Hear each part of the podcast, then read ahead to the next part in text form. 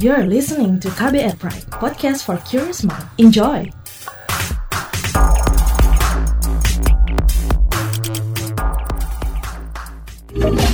Kamu lagi dengerin What's Trending KBR Pagi. KBR Pagi siaran pagi radio paling update. Selamat pagi. Ketemu lagi dengan saya Don Brady di What's Trending KBR Pagi di hari Kamis 21 Mei 2020. Baju baru alhamdulillah untuk dipakai di hari raya. Semua orang pasti tahu lagu ini ya kan? Yes, ya semua orang pasti hafal lagu ini apalagi menjelang lebaran seperti ini pasti um, banyak orang yang berbelanja untuk mencari baju baru ya. Ini berhubungan dengan apa yang akan kita obrolin pagi ini soal menyorot belanja lebaran di tengah pandemi. Jadi, sejak pekan awal ini atau seminggu jelang lebaran kembali ramai kawasan Pasar Tanah Abang Jakarta menjadi sorotan. Nah, walaupun gedung pusat perbelanjaan di sana masih ditutup akibat pandemi COVID-19, tapi aktivitas jual beli terjadi di sepanjang trotoar. Hasilnya, kerumunan masyarakat tidak dapat dihindarkan meski pembatasan sosial berskala besar atau PSBB masih berlaku di Jakarta. Berbelanja keperluan lebaran di Hari Raya Idul Fitri sudah menjadi tradisi. Pandemi COVID-19 mengubah beberapa kebiasaan orang mempersiapkan lebaran. Namun, bagi sebagian orang, tradisi berbelanja sandang baru misalnya tetap tidak berubah. Ini yang akan kita obrolin pagi ini. Sebelum kita lanjut lagi membahas soal ini, kita mau simak seperti apa keriuhan netizen plus 62 di media sosial berikut ini. Ini dia Pertama ada akun @pte_richm. Dia bilang ada aja uang untuk ke mall belanja baju lebaran, giran untuk makan, sembako, teriak-teriak ke pemerintah minta bantuan. Ada aja cara warga plus 62 buat bikin pusing pemimpinnya dengan hashtag terserah Indonesia. Akun @fluffy bilang, padahal PSBB diberlakukan supaya Indonesia Raya ini gak di lockdown, biar lu pada bisa cari makan. Tapi tetap aja nggak peduli, mau disuapin sama pemerintah. Giliran corona lama kelar lu marah-marah. Tapi buat matuhin ketetapan pemerintah pemerintah aja lu paling gencar ngelawan. Et Okumi dari kota bilang, semoga seluruh wilayah Indonesia bisa menerima bansos sebelum lebaran agar bisa belanja kebutuhan dengan hashtag bansos sampai pasar ramai. Sedangkan akun at I know right baby bilang ada bansos rebutan baju lebaran tetap prioritas. Akun at sambat terus underscore bilang mereka tetap manusia. In the other side, baju baru bukan hal untuk pamer. Mungkin mereka rezekinya di lebaran, lalu dipakai buat baju yang bisa jadi baju beli dua atau tiga tahun sekali. Who knows, doakan saja semua sehat. Akun Akang Jo dibilang, dan ketika kena penyakit COVID-19 pasti nyalahin pemerintah lagi. Gitu terus sampai Monas pindah ke Papua. Ayolah Pak Presiden, buatlah aturan dan hukuman yang jelas. Akun Rohmatin 31 bilang, susah sih bro, habit di negara kita. Setiap lebaran pasti akan rame-rame belanja yang baru-baru. Walau dikata makan susah, lebaran harus baju baru. Di samping tingkat pendidikan yang rendah dan knowledge terhadap COVID COVID-19 yang rendah juga. Akhirnya ya seperti itu. Biarkan seleksi alam ya kalau diatur susah. At error Diego bilang, loh kan, padahal saya sudah bilang jangan diviralkan, jangan dihalang-halangi. Macet seperti itu adalah kearifan lokal sejak dulu. Nah, yang terakhir akun Natnat Donate underscore bilang jangan ngurusin orang yang sebenarnya nggak mau diurus. Pak Pol pulang aja deh. What's Trending KBR Pagi. Masih di What's Trending KBR Pagi bersama saya Don Brady yang masih siaran dari rumah. Kita masih ngobrolin soal menyorot belanja lebaran di tengah pandemi. Nah, kita obrolkan soal fenomena kembali ramainya aktivitas jual beli di kawasan Tanah Abang bareng Dedi, pedagang pakaian pasar Tanah Abang Blok B. Oke, Mas Dedi, bagaimana tanggapan soal ramainya kawasan pasar Tanah Abang? gedung sampai saat ini tutup yang berhubungan dengan pemilikan pasar Tanah Abang, Pasar Jaya punya, itu tutup semua sampai mungkin rencananya 8 Juni paling cepat. Kemarin yang ramai itu terkesan Pasar Tanah Abang itu pengertian secara keseluruhan bahwa gedung itu dibuka kan gitu. Di masyarakat kan image gitu. Itu mereka di pinggir-pinggir jalan. Luar gedung itu kan banyak kios-kios yang ya boleh dikatakan ya nempel atau segala macam lah begitu. Bukannya yang berhubungan dengan dengan pasar Tanah Abang itu sendiri gitu loh. Ya, makanya kan di itu disuruh tutup lagi karena ke pemerintah kan Pemda kan bilang harus tutup yang itu itu kan nggak ada hubungan sama yang berhubungan sama COVID kan kecuali sembako ya keperluan yang ditentukan pemerintah. Gedung sampai saat ini belum buka karena kalau peneka gedung pengelola nggak buka, kita pedagang nggak bisa buka. Nggak bisa dagang artinya gitu. Saya juga kaget. Banyak juga rekan-rekan saya tanyain gitu, ini pasar tanah mau buka nih. Karena kebetulan daerah itu kan daerah pasar tanah apa.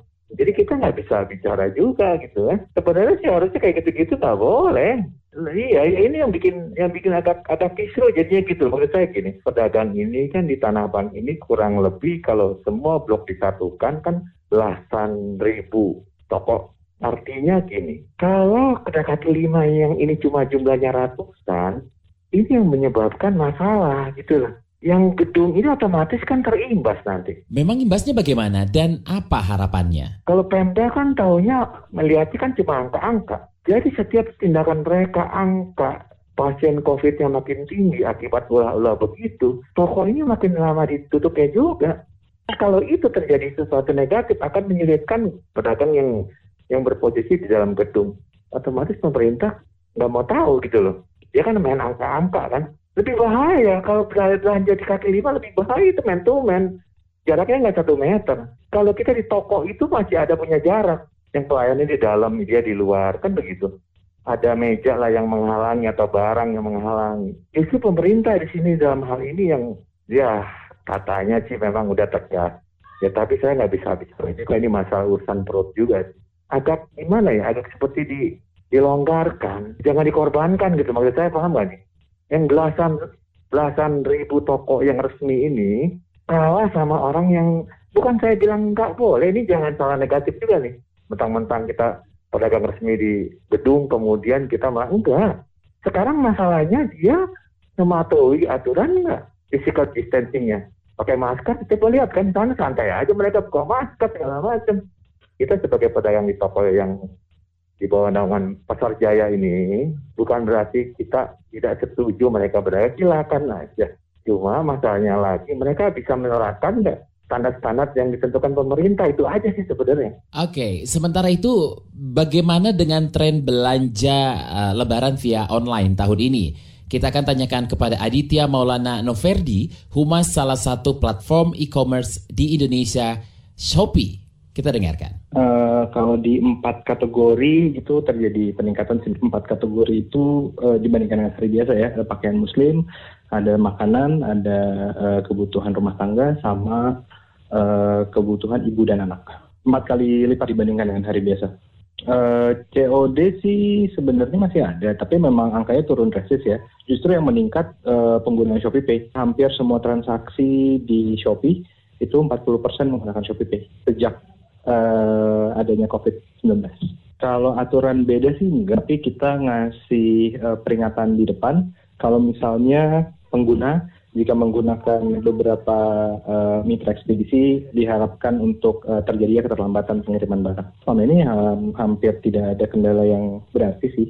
Kalaupun memang ada, tapi kami sudah memberikan info di awal di dalam aplikasi kami. Kalau misalnya pengguna diharapkan untuk eh, terjadinya keterlambatan 1 sampai 2 hari biasanya. PSBB kan sebenarnya tidak pernah membatasi untuk pengiriman ekspedisi ya. Jadi uh, hampir bisa dipastikan yang saya, saya, saya tadi bilang tidak ada terlalu pengaruh yang berarti sih. Namun biarpun begitu untuk langkah preventif kami tetap ngasih peringatan di depan di dalam aplikasi kami. Oke, okay, itu dia tadi Aditya Maulana Noverdi, humas salah satu platform e-commerce di Indonesia, Shopee ya. Dan sebelumnya ada Dedi pedagang pakaian pasar Tanah Abang Blok B. Memang ya, menjelang lebaran seperti ini Tanah Abang itu buh pasti rame banget, luar biasa. Dan inilah saatnya para pedagang memang mendapatkan keuntungan yang berlebih.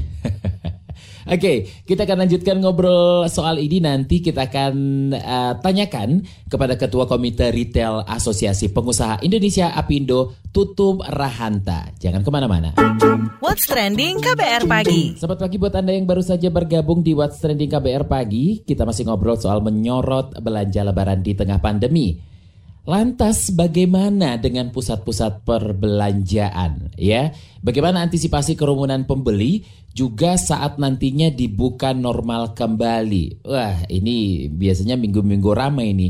Udah THR dapat ya kan, udah tanggal uh, muda, tanggal gajian. Hmm. Oke, okay, kita tanyakan kepada Ketua Komite Retail Asosiasi Pengusaha Indonesia Apindo Tutum Ruhanta. Pak, adakah aktivitas perdagangan di mall jelang lebaran? Yang jelas untuk wilayah-wilayah tertentu yang memang PSBB-nya tidak mengizinkan ya tetap kita tidak bisa buka gitu. Jadi tidak semuanya gitu. Memang yang memang di wilayah yang diizinkan yang yang buka saja gitu.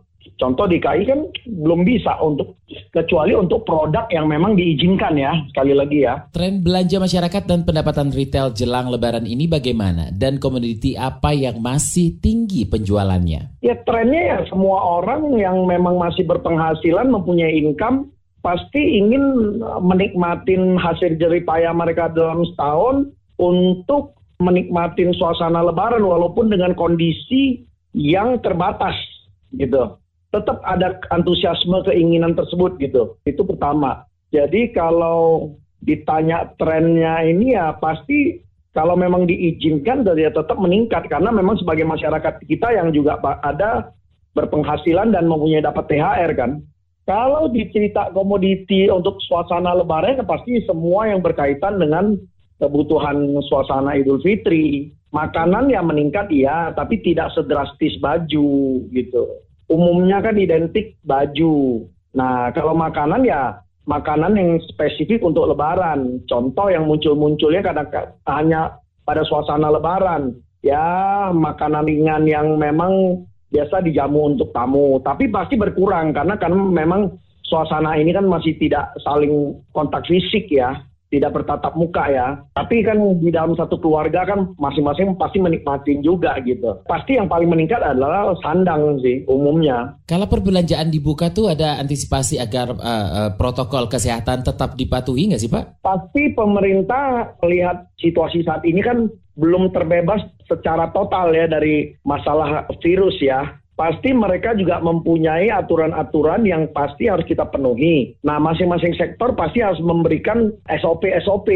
atau pemerintah sendiri yang mengguiden gitu, memberikan arahan. Uh, boleh dan tidaknya dibuka dengan catatan kepadatannya, cara bersentuhannya, banyak faktor gitu. Ya protokol kesehatan itu yang diikutin gitu. Saya kira itu. Saya kira eh, menjelang pembukaan sampai nanti ya kalau prediksi-prediksi dari ahli-ahli ya virus ini kan belum kita bebas sampai tahun depan gitu. Ya saya kira selama itu kalaupun memang ini dilihat memungkinkan karena ekonomi juga tidak boleh mati ya pasti dengan catatan gitu cara bukanya gitu. Catatannya itu apa? Ya protokol kesehatan gitu. Nah saran atau harapan kepada pemerintah seperti apa? Ya saya kira uh, sarannya memang ekonomi harus berjalan kita harus berdampingan dengan apa ya beriringan lah dengan masalah kesehatan itu sendiri. Harus dijaga jangan sampai membuat masalah baru. Tetapi kita juga harus memperhatikan ekonomi. Nah caranya adalah apa? Perpaduan itu yang harus kita lakukan. Per ekonomi penting kesehatan tidak boleh diabaikan.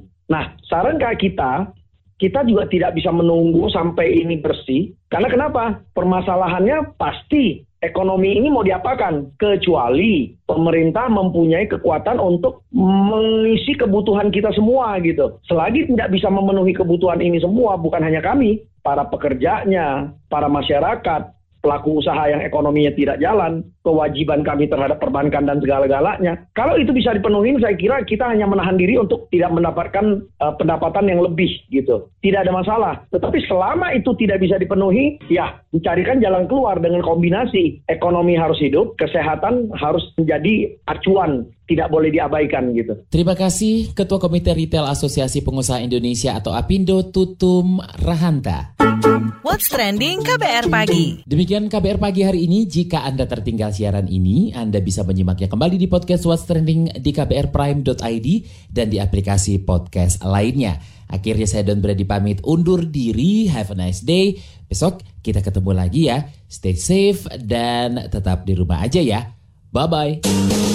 Terima kasih sudah mendengarkan KBR Pagi, siaran pagi radio paling update.